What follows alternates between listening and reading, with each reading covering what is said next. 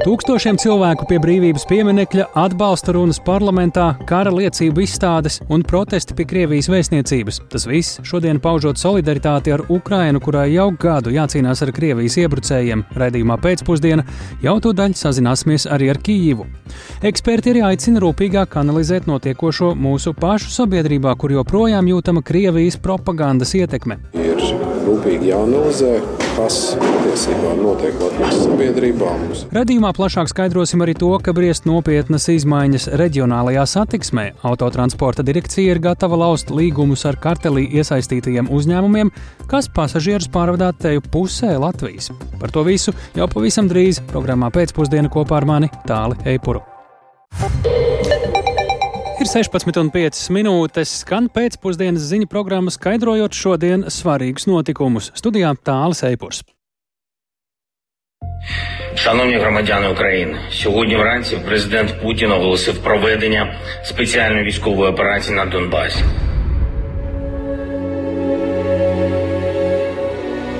Divdesmit ceturtais februāris. Gads kopš kara Ukrainā. 365 dienas šodien apritējušas kopš Krievijas aktīvā iebrukuma Ukrainā, gads kopš dienas, kad galvaspilsētā Kijivā un citviet Ukrainā sākās pirmie Krievijas armijas triecieni - teritoriju okupēšana. Gada laikā Ukrainas karavīriem ir izdevies ne tikai atgūt būtisku daļu no tām, bet arī nostiprināt savu un daudzu pasaules valstu pārliecību par to, ka agresoriem nedrīkst ļaut uzvarēt. Kā šī diena ir sagaidīta Ukrainā, šobrīd esam sazinājušies ar Latvijas radio korespondenti Ukrainā Indru Sprāns. Indra, labdien! Saki, kāda noskaņa šobrīd valda Kijivā, kādi ir tavi vērojumi? Jā, labdien! Noskaņa joprojām mierīga, salīdzinoši mierīga. Šodien visu dienu ir dažādi pasākumi, ir godināti karavīri, tie, kas ir labi parādījuši sev kaujās, un vienlaikus ļoti liela uzmanība ir tieši bojā gājušo karēju godināšanai visas dienas garumā un jau kopš vakara, vakara, vakara faktiski tiek likti ziedi pie piemiņas sienas. Cilvēki nāk ar svecītēm, nāk ar, ar nāk ģimenēm, pastāv piemin, daudzi ir arī ar karodziņiem. Un šis te noskaņojums ir vairāk tāds ļoti, nu, ļoti bēdīgs, kā arī es šodien arī uzrunāju vairākus cilvēkus, un viņi arī sacīja, ka nu, gandrīz katram tagad ir kāds pazīstams, kurš ir gājis bojā šajā karā, un, un tāpēc tas ir īpaši sāpīgi šobrīd.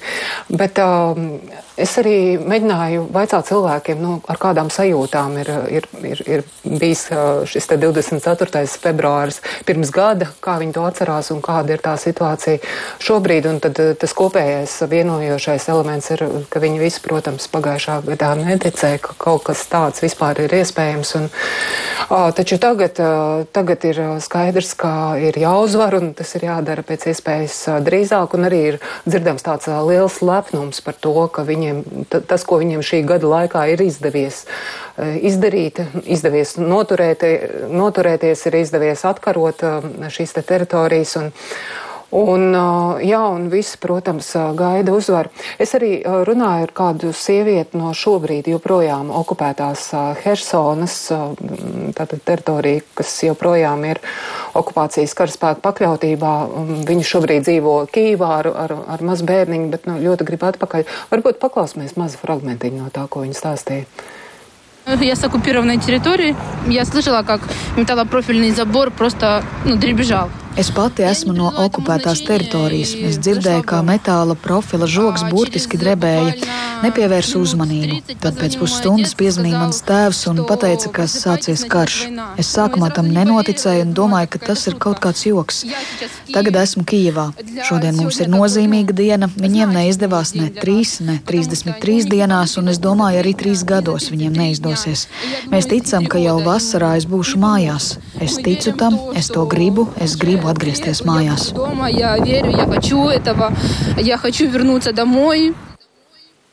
Nu jā, tas, ko viņi saka, ka šī diena patiešām ir ļoti īpaša, un, un te arī centrālajā laukumā, arī pie tās pašas piemiņas sienas, ir redzams, ka cilvēki nāk ar ģimenēm, ar bērniem kopā, un, nu, lai kaut kā kopā atcerētos šo, šos, šos smagos notikumus un pieminētu tos cilvēkus, kas ir atdevuši savas dzīvības par to, lai Ukraina šobrīd būtu joprojām brīva.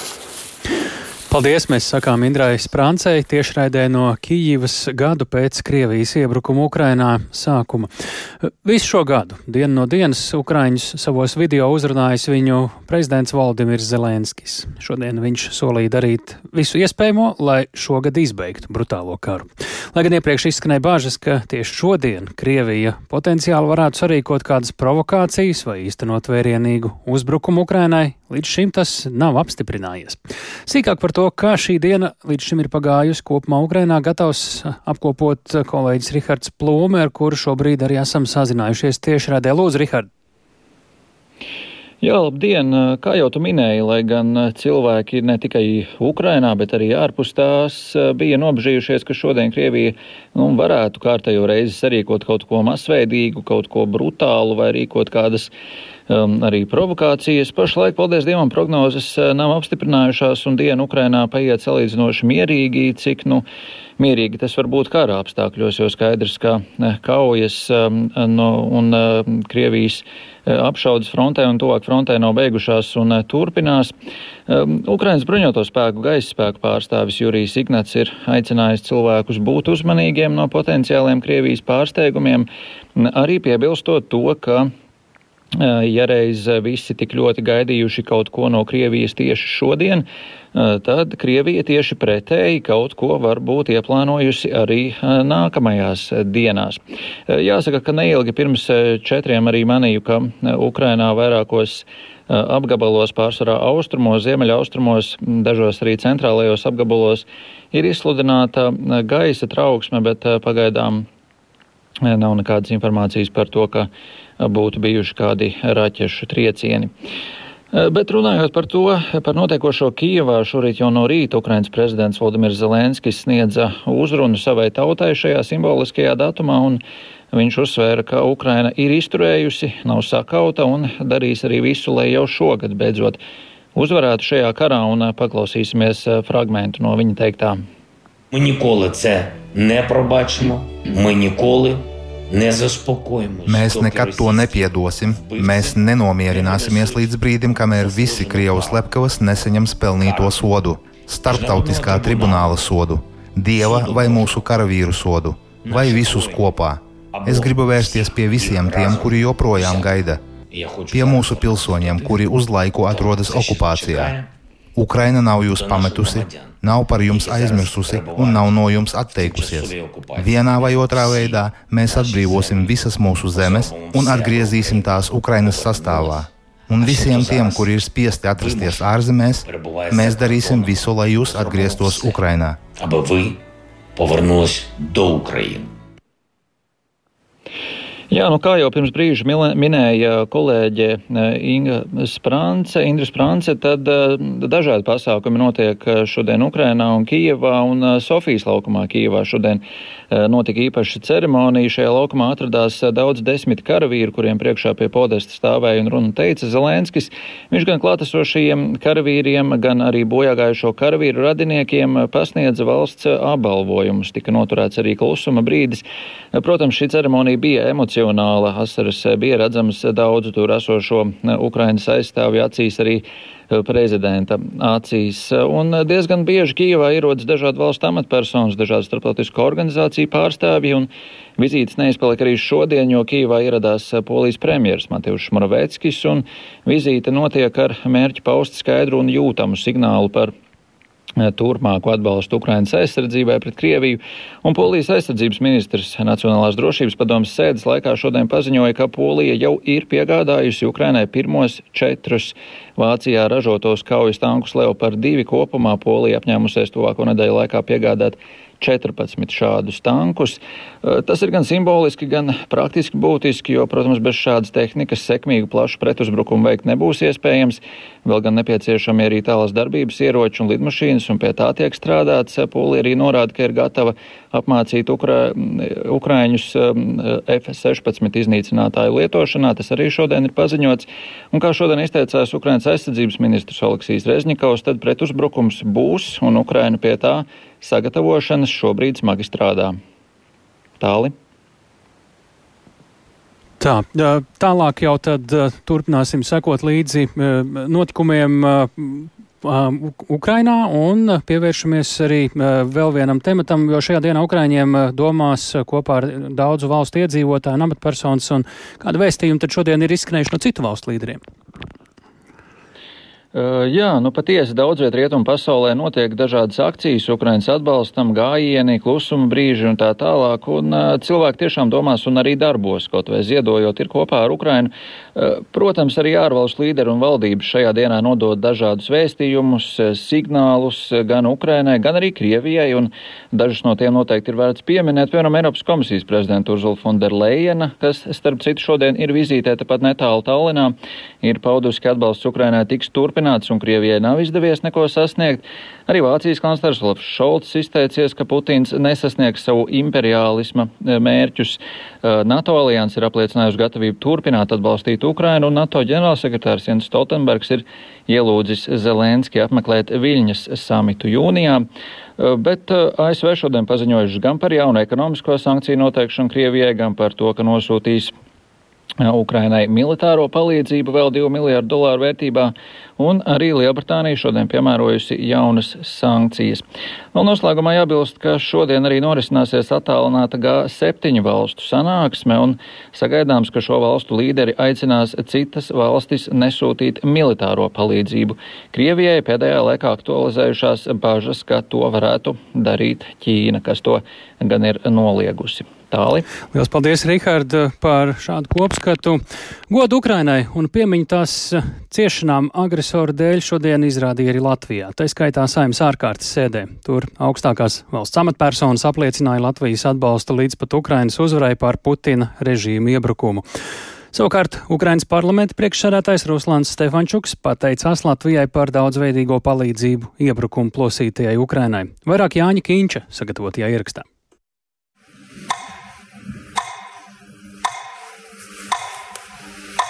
Klusuma brīdī arī saimnes deputāti pieminēja Ukrainā bojā gājušos un cietušos. Ar pulksteņa tikšķiem atgādinot, ka neprovocētais Putina režīma iebrukums pārāk ilgi kaitē Ukrainai un slepkavo tās cilvēkus. Šī saimnes ārkārtas sēde bija simboliski būtiska stunda, ilustrējot Latvijas un Ukrainas attiecības. Krievijas aizpagājušā gadsimta aizvien dzīvās imperiālismu izpausmes daudz vietā Eiropā palikušas otrajā plānā, ļaujoties ekonomiskam izdevīgumam.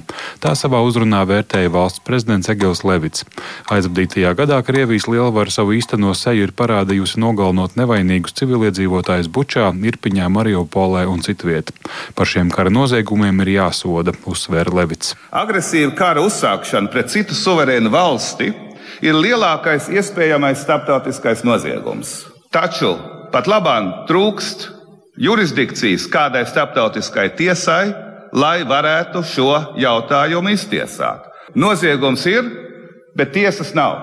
Un šo pretrunu ir jāatrisina tādā veidā, ka šāds starptautisks tribunāls tiktu izveidots. Saimnes priekšsēdētājs Edvards Smiltēns atgādināja par otrā pasaules kara mācībām, kad laikus neapturēti slimām imperiālismu idejām apsēsti diktatori pakļāva daudzas valstis.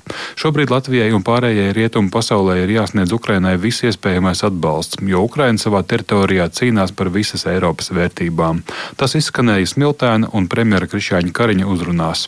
Šodien Rīga un Tallina Viļņa, Varšava pārliecinoši un nepārprotami uzsver. Ukrainas uzvara ir vienīgais ceļš uz drošības atjaunošanu Eiropas kontinentā. Ja nebūtu šīs Ukraiņu varonības, es domāju, nebūtu arī tās vienotības pārējā pasaulē, kāda ir. Un ja pirms gada, un es labi atceros 24. februāra Eiropas padomes sapulci, kur mēs sagadījāmies, bijām Briselē tajā vakarā, Valstu vadītāji nevarēja pat vienoties vai vajadzētu sankcionēt Putinu vai Lavrovu. Nemaz nerunājot par ieroču piegādēm vai ko tamlīdzīgu. Saimnes ārkārtas sēdē pieslēdzās arī Ukrainas parlamenta jeb augstākās radas priekšstādētājs Ruslans Stefančuks. Viņš izteica pateicību par Latvijas sniegto militāro palīdzību un rehabilitācijas iespējām Ukrainas karavīriem. Tāpat arī Latvijas iedzīvotāji, pašvaldības un citas organizācijas pelna pateicību par visa veida palīdzību un Ukrainas bēgļu pieņemšanu. Bravo Latvija! Bravo Latvija! Atceramies ļoti zīmīgu faktu, ka no Latvijas pirmās Stingera pretgaisa aizsardzības iekārtas saņēmām 23. februāra vakarā, pirms Krievijas pilna mēroga iebrukuma. Šie Stingeri mums palīdzēja apstādināt Krievu desantu Kīvā. Відповідні програми у цьому році. Par neapsīkstošu atbalstu Ukrainai un tās atjaunošanai kopīgā vēstījumā paziņojuši arī Baltijas valstu un Polijas parlamentu priekšsēdētāji. Ukraiņi maksā visaugstāko cenu par Eiropas drošības aizsardzību, tāpēc Ukrainas vieta ir Eiropas Savienības un NATO dalību valstu saimē, pausts Baltijas valstu un Polijas spīkeru paziņojumā. Jānis Kincis, Latvijas radio. Bet iedzīvotāju visplašāk apmeklētais pasākums šodien notika pie brīvības pieminekļa. Tajā vairāk tūkstoši bija ieradušies paust nosodījumu pirms gada sāktajam Krievijas noziedzīgam agresīvajam iebrukumam, kā arī paust atbalstu Ukrainai. Kā aizvadīts mītiņš ar nosaukumu Bez tevis nav uzvaras un arī par to, kā cilvēki tam gatavojās, plašāk Agnijas Lāsdiņas reportāžā. 24. februārā agrā rītā, 4.50. laikā, kad pirms gada Krievija sāka pilna mēroga iebrukumu Ukrainā, vecerīgā uz plakātu darbnīcu ieradās Ukrainas atbalstītāji. Plakātus aprakstot un apzīmējot ar simboliem un saukļiem, kas vēsta par atbalstu Ukrainai un Ukraiņiem, pasākuma dalībnieki gatavojās mītiņam pie brīvības pieminekļa lai parādītu Ukrāņiem, ka mums vēl ar vienu rūp, un uh, arī to, ka mēs esam spējīgi uh, izdarīt kaut vai mazu lietiņu agri no rīta, atšķirībā no Ukrāņiem, kur cīnās veselu gadu. Tā izsakās viena no pasākuma organizatoriem Biedrības Latvijas platforma attīstības sadarbībai direktore Inese Vaivare. Plakātu darbnīcas dalībnieku uzsver, ir jāturpina Ukrāņi atbalstīt, kā vien to katrs spēj izdarīt. Mēs nedrīkstam nogurt no tām ziņām un aizmirst to, ka tas joprojām notiek un ka vēl joprojām vajag palīdzēt Ukraiņai. Vēl joprojām vajag būt visiem kopā, jebkā palīdzēt, tā kā lai mēs neaizmirstam, ka nē, nu jau tur gads tas tur notiek, tad jau kas vairs ir jāatcerās visu laiku, ir tīpaši tagad. Bet viens ir skaidrs - Ukraina uzvarēs. Ar plakātiem, Ukrainas karogiem, ziediem Ukrainas karoga krāsās un citiem simboliem vairāki tūkstoši cilvēku pulcējās pie brīvības pieminekļa. Tāpat ar uzrunām uzstājās tie cilvēki, kas pēdējo gadu gadu ir veltījuši palīdzībai un atbalstam Ukrainai. Cilvēki mītiņā ieradušies ar vienotu pārliecību, parādīt, ka viņiem nav vienalga un ka viņi ir gatavi atbalstīt Ukrainu tik ilgi, cik vien tas būs nepieciešams. Mums, Latviešiem, ir pienākums būt šeit un atgādināt visai pasaulē, ka karš nav beidzies. Un mums katram ir jādod savas pēdējās zeķes, lai tur puišiem frontē būtu silti, un, jo viņi cīnās arī par mūsu brīvību. Tāpēc es ceru, ka latvieši to saprot. Ja vēl kāds gudlāču miegā un domā, ka ar šo agresoru var kaut ko sarunāt pa labam, tad diemžēl tā nav. Slavu Ukrainai! Un savus mūžu Latvijai! Slava Ukraiņai, tā soņečnih līt, družņī Latvija! Agnija Lazdiņa, Latvijas radio. Turpinot par iedzīvotāju atbalstu Ukrainai, šodien ir arī virkne citu dažādu pasākumu. Piemēram, Rīgā pie kongresa nama visu dienu var liet ierakums vecis, turpat blakus arī notiek piketēšana iepratiem Krievijas vēstniecībai, bet īpaši tur atnākšo uzmanību pievērš arī uz Latviju atvests Ukrainā sašauts Krievijas tanks. Pie kongresa nama šobrīd ir kolēģi Sintī Amboti. Sintī, kas tur šobrīd notiek, kā tur izskatās? Jā, sveiks tāli, sveicināti klausītāji. Laukumā pie kongresa nama joprojām turpinās sveču liešanas darbnīca. Ierkums sveces rūpīgi tiek sagatavotas sūtīšanai uh, Ukraiņas karavīriem frontē. Šeit ir pulcējušās dažādas paudzes, gan latvieši, gan ukraiņi. Visur redzami arī Ukrainas uh, karogi. Uh, Um, cilvēki šādi vēlas apliecināt savu atbalstu un solidaritāti Ukraiņu tautai, kas uh, savukārt ir būtiski arī šeit Latvijā patvērumu radušajiem Ukraiņiem. Visi ir cieši apstājušies ap uh, sveču liešanas uh, galdu, tāpat daļa arī veikli tin garas kartona strēmelītes, kuras savukārt izmanto kā deglis vecēm. Nu jā, un tāpat vēl arī pretī Krievijas vēstniecībai ir novietots Ukrainas bruņoto spēku iznīcināts Krievijas karaspēka tanks. Ap to nemitīgi arī pulcēs skatītājiem pēta tā detaļas. Šis tanks uz Latviju atgādāts sadarboties ar Ukrainas aizsardzības ministriju, un tam ir arī simboliska nozīme, pieminot kara gada dienu, jo šo tanku Ukrainas aizstāvi iznīcināja tieši Bučas apgabalā. Plašāk to stāstu varam paklausīties iezīmēs aizsardzības ministrijas pārstāvis Kaspars Galkins. Tanks tika iznīcināts pagājušā gada 31. martā, kad uh, notika Ukrainas uh, bruņoto spēku uh, atbrīvošanas kaujas Bučas apgabalā.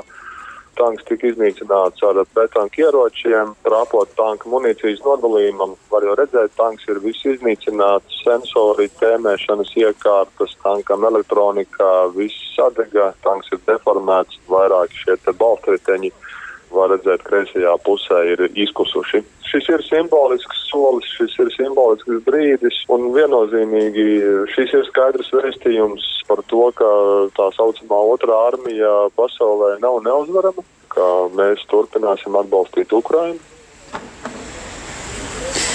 Šis uh, sašautais un uh, sadegušais tanks ir tad, uh, Ukrainas Nacionālās militārās vēstures muzeja eksponāts, bet šeit Rīgā pie kongresa nama to varēs apskatīt līdz pat 26. martam. Tāli. Paldies, Sintīna Ambote ziņo no kongresa nama, kur notiek vairākas aktivitātes vienlaikus. Arī Daugopilī, Latvijas otrā lielākajā pilsētā šajās dienās vairāk Ukrainas atbalsta pasākumi. Kopš vakara vakara vienības nams pilsētā ir izgaismots Ukrainas karoga krāsās. Daugopils domas sēkā atklāta Ukraiņu mākslinieku darbu izstāde aizijošais laiks no Daugopils Markarotko mākslas centra krājuma. Raiņa skvērā Pēc dažām minūtēm sāksies eh, vietējo aktīvistu rīkota sapulce, lai paustu nosodījumu Krievijas sāktajam karam Ukrainā un arī solidaritāti ar Ukrainas iedzīvotājiem. Un šobrīd esam sazinājušies ar Latgales studijas korespondentu Silviju Smagari. Silvija, kas šobrīd tur notiek? Jā, sveicināti. Es pat labāk atrodos Daugāpils centrā, šie tieši Rēņa nelielajā skvērā pie Daugāpils universitātes, pavisam blakus ir vienības nams, kurš tātad kopš vakardienas ir izgaismots un tumšajā laikā tas būs Ukrainas krāsās. Uh, tieši šī vieta kā pulcēšanās vieta neizraudzīta nejauši, jo uh, Nu, šī ir Daugāpilī tāds atmodas simbols, Raiņa piemineklis un, un Daugāpils universitāte, tas tāds atmodas simbols. Pagājušā gadā līdzīga pultēšanās tika rīkota pie Krievijas konsulāta Daugāpilī, nu, bet tik šobrīd konsulāts ir tukšs, un tad īpašas jēgas, un kā saka viens no pasākuma rīkotājiem Dainis Miglāns, paust kādas aktivitātes pie tā nav. Pa, pasākuma pieteicē domē iesniedza pieteikumu par 20-25 cilvēku pulcēšanos Tērāņas skvērā. Un šobrīd minūtes piecas pirms pasākuma tiešām te vismaz ir 20, 30 cilvēki. Pārsvarā, ko es redzu, tie ir gados jauni cilvēki ar Ukrānas kā rogu rokās. Ir arī plakāti, kas vēst, kā, kas atbalsta Ukrainu un ka Mariupols vietā varēja būt Daugavpils. Ukrainai uzvara, imperiālajai Krievijai nāve, slava Ukrainai. Pagaidām tad viss ir mierīgi, mm, arī policija neredz, ir kameras, ir televīzija, kas seko līdzi šim šodienas notikumam Dāngāpulī, bet ko tad Dāngāpulieši domā? Un ar kādām sajūtām dzīvo gadu pēc kara Ukrainā. Tad varam paklausīties, ko saka šodien iepriekš uzrunātie iedzīvotāji. Ļoti riebīgi. Ļoti žēl viņus. Bet es uzskatu, ka ja ne viņi, tad tie būtu mēs. Es esmu padomju kaluma cilvēks, ja, kas izgājis visus tos mēslus cauri. Nepatīk tas viss. Es atceros ļoti labi, kā bija 90. gada sākumā, kad tas puķis notika, kā tie krievi priecājās šasmivam pa kažam. Nu, bet es uzskatu, ka viss būs labi, kā arī Krievijas vairāk nebūs tādas, kā tagad viņi ir. Nu, slikti ar to Ukrainas pusi, kā apbiežoja viņu visu laiku. Nu, ko var izteikt, lai veiksme būtu viņiem? Ukraiņas cilvēkiem. Ko varam, to mēs ziedojam jau. Daudz kas ziedo, ko var. Tāda drusku sajūta ir, kā saka, kņud, ka joprojām jau gads pagājis un tur joprojām vēl viss kaut kas turpinās. Nav ko diezko patīkama sajūta. Плохо, конечно, все это. Slikti. Karš jau tikai ļaunu dara. Par dažādu akciju, mītiņu rīkošanu esmu neitrāli noskaņots, bet zinu, ka karš ir slikti. Война, что это плохо, а так я нейтральный. Ja runājam par atmosfēru šobrīd šeit, eh, pie Daugavas universitātes šajā skverā, tad, nu, vēl ir pusstunda kā darba laiks. Turpinās pieļauj, ka šie cilvēki kļūs vairāk un arī nu, iepriekšējā gadā mm, sapulces dalībnieki teica, ka tie bija ap simts, ka izskatās, ka varbūt arī kļūstot nedaudz, kad iestāsies tums un darba laiks beigsies šeit arī Daugavpilī parādīsies vairāk cilvēku. Un zināms, ka arī dien notiks līdzīgs pasākums, eh, tas sāksies pulksten 12. To rīko Latvijas Ukrāņu kongress, un tas būs gājiens no Dzelzceļa stācijas sēkas un virzīsies līdz piemineklim nevainīgiem sarkanā terora upuriem. Jā, paldies Silvijai! Smagarei tik tālu mēs saņemam ziņas arī no Daugaupils, kā tur notiek atbalsta pasākumi Ukrainai gadu pēc Krievijas iebrukuma. Tikmēr atceramies, ka Ukrainas ceļš uz brīvību sākās jau 2014. gadā ar Maidana protestiem, toreiz cīņā par tiesībām pievienoties Eiropas Savienībai. Daudz rietumē Eiropas politiķi gan uh, labprāt fotografējas kopā ar Ukrainas prezidentu Valdimiru Zelenski, augstākās rādas priekšsarātāju Ruslanu Stefančuku un citiem, taču patiesībā baidās no šīs valsts pārstāvju atšķirīgās mentalitātes, enerģijas, kā arī no pašas Ukrainas tās lieluma dēļ. Un tieši Ukrainas izmēri var kļūt par nopietnu šķērsli šīs valsts uzņemšanai Eiropas Savienībā. Tā uzskata Nacionālās apvienības pārstāvis Eiropas parlamenta deputāts Roberts Zīle. Lūk, īsi intervija kolēģei Zenai Eniņai. Viņi ir, ir koncentrējušies profesionāli eh, un ar citu mentalitāti politikā arī. Kur es redzu, ka daži mani kolēģi no, no daudzām Eiropas valstīm faktiski neinteresējās tik daudz par rezultātu, ko viņi likumdošanā izdara, bet par to, kas viņiem vajadzīgs tāpēc, lai pārvēlētos viņiem ir citāda jauda un citāds rūpījums, kas eh, Eiropu var darīt piesardzīgu un, un tādā veidā apgrūtināt viņiem. Jā, un arī lielums Ukrainas. Ukraina tātad, nu, daudz emigrācijas no Ukrainas, protams, tagad ir daudz bēgļu, bet tas ir apmēram 40 miljoni iedzīvotāji. Polija arī ir liela valsts, tātad, un faktiski Eiropā pēc visiem līgumiem Eiropas dibināšanas, teiksim, Eiropas parlamenta pārstāvniecība, cik vietas ir no konkrētās valsts, vai padomē, cik balsis ir, nozīmē to, ka teiksim, tāds bloks kā Ukraina un Polija, viņi ļoti cieši faktiski politiski tagad acīm redzami sadarbojās jau mēs pieņemam situāciju, ka Ukraina pie šīs Eiropas Savienības līgumiem pieņem Eiropas Savienībā, tad spēku samērs krietni izmainās. Un tas var apgrūtināt viņu. Tas var, jā, neapšaubām. Tas mans piemērs, ka nu, iedomājieties, vadošais ekonomiskais spēks, kādreiz arī iespējams politiskais Vācija Eiropā, tad uh, viņu pārstāvniecība, ņemot vērā iedzīvotāju skaits valsts lielumu, faktiski izlīdzinās ar bloku Ukraiņu Poliju nosacīt. Ja pieskaitīt Baltijas valsts, tad mēs esam krietni vairāk. Vērtējot šo politiķu izteikumu, vaicājumu par to, cik liels vai mazs optimisms vai bāžas šobrīd valda īsti Eiropas Savienības dalību valstīs, tad, kad jārunā par reālu Ukrainas uzņemšanu blokā. Uz īsu komentāru par to esam aicinājuši Arķomu Konohovu, mūsu korespondentu Briselē. Arķom, lūdzu! Jā, labdien! Tik tiešām viens ir būt labiem draugiem un kaimiņiem, bet pavisam kas cits ir precēties un uzņemt kādu savā ģimenē. Un tā es tēlaini varētu raksturot atšķirības starp palīdzēšanu Ukrainai un tās uzņemšanu Eiropas Savienībā. Un, uh, tiešām tas tā ir tāda ļoti būtiska. Uh, Makrons, Francijas prezidents Emmanuels Makrons, to raksturoja kā tādu Eiropas Savienības iekšējo intimitāti, ko nevajadzētu izjaukt. Jo mēs, tās pašreizējās dalību valstis, esam vairāk vai mazāk viens pie otra pieraduši un zinām, ko viens no otra sagaidīt, kā tiek pieņemti lēmumi, bet tik lielas valsts uzņemšana kā Ukraina tiešām izjauks pašreizējo līdzsvaru un, protams, no Vācijas un Francijas un citu rietumu valstu un atgādināsim arī maksātāju valstu perspektīvas. Maz mazinās viņu teikšanu Eiropas Savienībā. Un tas, protams, ir tas, ko viņiem negribētos pieļaut, ņemot vērā, ka nu, viņi, viņiem nāktos lielā mērā maksāt par Ukrainas dažādu teiksim, tā, dzīves līmeņu izlīdzināšanu, struktūra fonda, kohēzijas fonda, tie jau joprojām nāktu no attīstītākajām valstīm. Un, daudzās turīgākajās valstīs pastāv šaubas, vai bloks spēs absorbēt tik lielu valsti kā Ukraina, un tas prasīs lielus ieguldījumus. Un, jāatcerās, ka attīstības līmenis Baltijas valstīs vai Balkānos nu, joprojām nav izlīdzinājies nedz ar Vāciju, nedz ar Nīderlandi. Un to atzīst arī premjerministrs Krišjānis Kariņš, kad es viņam to vaicāju. Viņš teica, ka viņš ir atvērts atvērts diskusijām par izmaiņām, kas ir nepieciešamas pašā Eiropas Savienībā, lai tā būtu gatava uzņemt, tad mums ir jāizdara savs mājas darbs, un tikai pēc tam mēs varam runāt tālāk. Bet nu, konkrēti piedāvājumu pagaidām nav. Jā, nu, vienlaikus šodien sabiedrisko mediju portālā LSMLV lasāms Arķim arī tavs komentārs, kurā viens no virzieniem ir, lai cik skeptiska, piesardzīga ar dažādiem viedokļiem nebūtu Eiropa vēl pirms gada. Par šodienas eh, vienoto nostāju pret eh, karu un par Ukrainu daudz pat iedomāties nevarētu.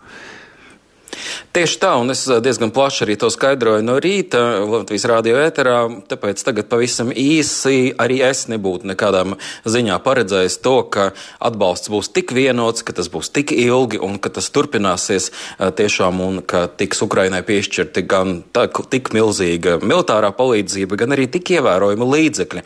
Un to būtu grūti bijis paredzēt. Es domāju, ka tas ir lielā mērā skaidrojums ar Krievijas armijas zaudējumiem pirmajās kara dienās un šiem traģiskiem notikumiem notikumiem pie Kievas, un tas kliedēja to mītu par Krievijas armijas lielo varenību un parādīja, ka Ukraina var uzvarēt un ka Ukraina spēj cīnīties, un arī Zelenska atteikšanās pamest Kievu, tas lielā mērā lika uh, rietumiem savādāk paskatīties uz šo signālu un uh, faktiski lika viņiem rēģēt, jo nereaģēt tajā konkrētajā situācijā vairs īsti nebija iespējams. Bet ņemot vērā, ka pie visa pierod un arī pie kara svešā zemē nozīmē cilvēki pierot, eh, saglabāt eh, atbalsta intensitāti un saglabāt šo vienotību, eh, nu, nebūs, nebūs vienkārši un tas nav absolūti pašsaprotami. Paldies Arķam un Konohovam plašāku analīzi lasiet sabiedrisko mediju portālā LSMLV. Mazinājusies Latvijas iedzīvotāju gatavība ar ieročiem rokās aizstāvēt Latviju. To un citas izmaiņas sabiedrības noskaņojumā atklāja pētījums, kas veikts projekta Mediju patēriņš un Krievijas propagandas ietekme gaitā. Šodien darīti zinām projekta rezultāti un notika arī diskusija, kā veicināt noturību pret Krievijas propagandu. Un turklāt bija arī kolēģi Zanēniņa. Sveiki, Zane! Labdien! Uh, labdien! Uh, pētījums, uh, kas tika prezentēts šodien, uh, ir turpinājums līdzīgam pētījumam pirms astoņiem gadiem, un tādējādi Krievijas propagandas ietekmi uz Latvijas sabiedrību var novērtēt dinamikā. Un izmaiņas ne visos gadījumos ir iepriecinošas. Un, piemēram, gandrīz nemainīgi palikusi aptaujāto attieksmi pret apgalvojumu, vai ir jēga pretoties citas valsts uzbrukumam.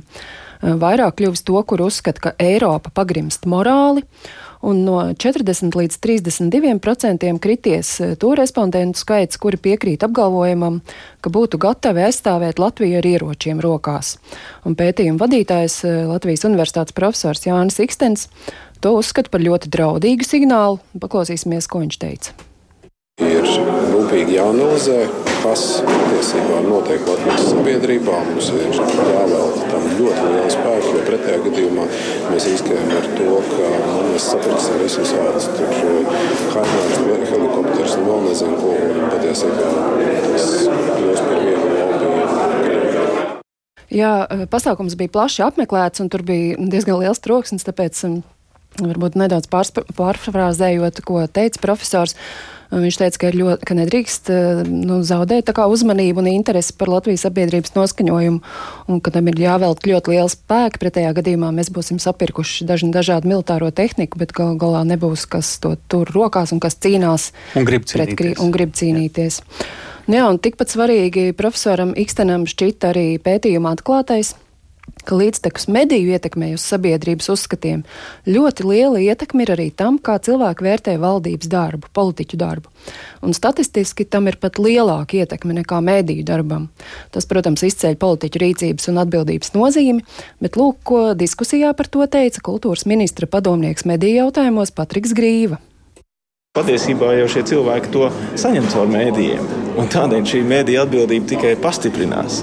Un, ja mēs varam teikt, ka pētījuma secinājums šis bija viens no būtiskākajiem, tad mēs tomēr to varam vērst nu, faktiski arī mēdīju iesaistes virzienā. Runājot par to, ka ļoti svarīgs ir ziņu pārraides, ļoti svarīgs ir vietējais saturs, ļoti svarīgs ir uh, analītiskais saturs šeit uz vietas mūsu cilvēkiem. Ja. Jā, kaut gan uh, Krievijas televīzijas kanāla pārraide Latvijā ir slēgta. Uh, pētījums parādīja, ka Krievijas propaganda joprojām interesantus sasniedz pa dažādiem citiem ceļiem. ar satelīta televīzijas un interneta starpniecību. Tādēļ vairāk diskusijas dalībnieki izteicās par mediju pratības, arī mediju mediju pratības un politikas procesu izpratnes veicināšanu jau no skolas sola, lai tā sabiedrības daļa, kas ir naidīgi noskaņota pret Latviju, kļūtu ar vien mazāku. Un, piemēram, es runāju arī ar Nacionālās elektronisko plašsaziņas līdzekļu padomus priekšsēdētāju Ivaru Āboliņu. Viņš teica, ka liels solis šajā virzienā būšot uh, divvalodības izbeigšana plašsaziņas līdzekļos. Jo tādējādi daļa sabiedrības jau automātiski tiekot novietota citā pasaules telpā. Nu, uz to padomi šobrīd diezgan aktīvi strādā. Atceramies dažu piemēru, tā skaitā. Sakām paldies Zanieniņai un pievēršamies stāstam, kurš ir svarīgs ļoti daudziem Latvijā. Briest nopietnas pārmaiņas reģionālo sabiedrisko autobusu ziņā. Autotransporta direkcija ir gatava laust līgumu ar kartelī iesaistītajiem uzņēmumiem, kas pasažierus pārvadā ļoti lielā daļā Latvijas reģionu. Tiesa, līgumu ar Liepājas autobusu parku, Nordeku un Latvijas sabiedrisko autobusu direkcija plāno pārtraukt vien tad, kad konkurences padomas lēmumu būs akceptējusi arī tiesa. Otrs variants - sadarbību varētu pārtraukt ar kopīgu vienošanos. Studijā mums šobrīd pievienojas kolēģis Viktors Damīdovs. Viņš ir iedziļinājies šajā stāstā. Saka, Viktor, kā iespējamā līguma laušana vai pārtraukšana ar pārvadātājiem var ietekmēt pasažierus un arī ko par to saka paši pārvadātāji? Jā, sveicināti. Nu, par minēto pasažieru pārvadātāju nelegālo vienošanos ir zināms jau vairāk nekā mēnesi, taču autotransporta direkcija ar izvērtējumu nākusi klajā tikai šodien, un rūpīgi izvērtējot lietu, direkcija nolēmusi ar uzņēmumiem laust līgumus. Jau ziņots, ka Liepājas autobusu parks Nordeka un Latvijas sabiedriskais autobusu konkurences padomas lēmumu tiesā ir pārsūdzējuši, turklāt Nordeka ir pat vērsusies Eiropas komisijā. No vienas puses autotransporta transporta direkcija gaida tiesas lēmumu, un ja, tas, uh, un ja tiesa atzīs, ka uzņēmumiem piemērotais teju 2 miljonu eiro sots ir taisnīgs, tad direkcija līgumu esot gatava laust vienpusēji. Taču tiesa uh, lietu var skatīt vēl ilgi, tāpēc direkcija mēģinās šo līgumus pārtraukt vienojoties ar uzņēmumiem. Un tas var nopietni ietekmēt pasažieru plūsmu, jo minētie uzņēmumi pakalpojumus sniedz piecos no 16 reģioniem. Turklāt vēl divos uh, reģionos, plašāk to sauc par lotēm, bet vienkāršāk reģionos, līgumi stāsies spēkā jūlijā. Un tad kopumā sanāk te jau puse no Latvijas reģioniem, kur vidū ir arī iedzīvotājiem bagātā pierīga. Ir arī liepāja, kuldīga, saldu, ogre, aizkraukla un bauska. Un ja ar uzņēmumiem līgumus lauzīs, tad direkcija ir noskaidrojusi, ka no nepieciešamā skaita ir pieejami vien nepilni 40% no autobusu un 13% no šoferu. Tāpēc nākamos uzņēmumus sāk meklēt jau kaimiņu valstīs. Un tad lūdzu paklausīsimies, ko par līgumu laušanu saka autotransporta direkcijas vadītājs Kristiāns Kodiņš. Pakalpojumu nepārtrautības nodrošināšana ir viena no primārajām funkcijām. Līdz ar to autotransporta direkcija ir veikusi visu iespējamo regulāro pasažieru pārvadātāju aptauju, izņemot kartēlu lietā iesaistītos, lai apzinātu viņu resursus, iespējas izpildīt eh, tos līgumus, ja tādā brīdī, ja tie līgumi tiek lausti ar kartēlu lietā iesaistītiem. Tas nozīmē apzināt tos resursus, kas ir uzņēmuma rīcībā, kas netiek izmantoti konkrētajā brīdī, apkalpojot viņu rīcībā esošos līgumus vai viņu rīcībā esošās noslēgtās saistības un vienošanās. Jā, lietā, lietā iesaistītie uzņēmumi, protams, saglabās savu nostāju. Viņi ir skaidri pret piemēroto sodu un plašāk eh, vien, nekomentēja vien Latvijas sabiedriskais autobuss, atgādinot, ka konkurences padomas lēmums vēl nav stājies spēkā, jo uzņēmums to šonadēļ tiesā ir pārsūdzējis. Liepais autobusu parks autotransporta direkciju aicina nepārsteigties ar ultimātiem un ievērot pašu piedāvātos sadarbības nosacījumus. Savukārt Nordika atbildēja, ka uh, piedāvājumu laust līgumu ir saņēmusi, taču plašāk nekomentē, jo vajag ar to vēl iepazīties. Nu, pārvadātāji Latvijā noteikti ir uh, vairāk nekā tikai šie, uh, kuriem ir šis karteļu stāsts velks šobrīd līdzi. Kā tad autotransporta direkcijas šo apņemšanos vispār kopumā vērtē pārvadātāji Latvijā? Jā, Latvijas pasažieru pārvadātāju, prez, pasažieru pārvadātāju asociācijas prezidents Ivo Ošnieks teica, ka autotransporta direkcija patiesībā nav uzrunājusi visus tādus Latvijas uzņēmumus, kas varētu aizvietot karteļa lietā iesaistītos komersantus. Viņš norāda, ka godiņš nav runājis ar pilsētas pārvadātājiem, bet jau ir ķēries meklēt mm, komersantus kaimiņu valstīs. Savukārt direkcijas šodienas paziņojumu mošnieks vērtē pozitīvi, taču tajā pat laikā lēmumu par līgumu laušanas ir novēlots. Un tad lūdzu paklausīsimies viņa teikto. Ņemot vērā to, ka vakar saimnieks nobalsoja par šo uzdevumu ministru kabinetam izvērtēt šo karteļu lietu un arī pašu šo iepirkumu, tad dotajā brīdī tas vairāk izskatās kā sevis eh, piesakšanai, nevis kā reāli šī jautājuma atrisināšanai. Jā, un savukārt, ja tiesa atzīs, ka konkurences padome savā lēmumā ir kļūdījusies, tad līgumi ar uzņēmumiem um, paliks spēkā uh, arī turpmāk. Paldies, Viktors Demidovs, tik tālu par uh, svarīgāko aktualitātēm, kas saistīts ar pārvadājumiem, reģionālajiem pārvadājumiem Latvijā. Turpināsim sekot šim stāstam arī pirmdien, kad Kristiāns Godiņš, autotransporta direkcijas vadītājs, būs uh, redzījuma labrīt viesis, bet šāds bija 24. februāra gada dienas kopš Ukrainas, eh, no Krievijas iebrukuma Ukrainā šeit eh, tātad gada dienā. Un jā, mēs sakām arī visu labu līdz pirmdienai, tad atkal tiekamies raidījumā pēcpusdienā.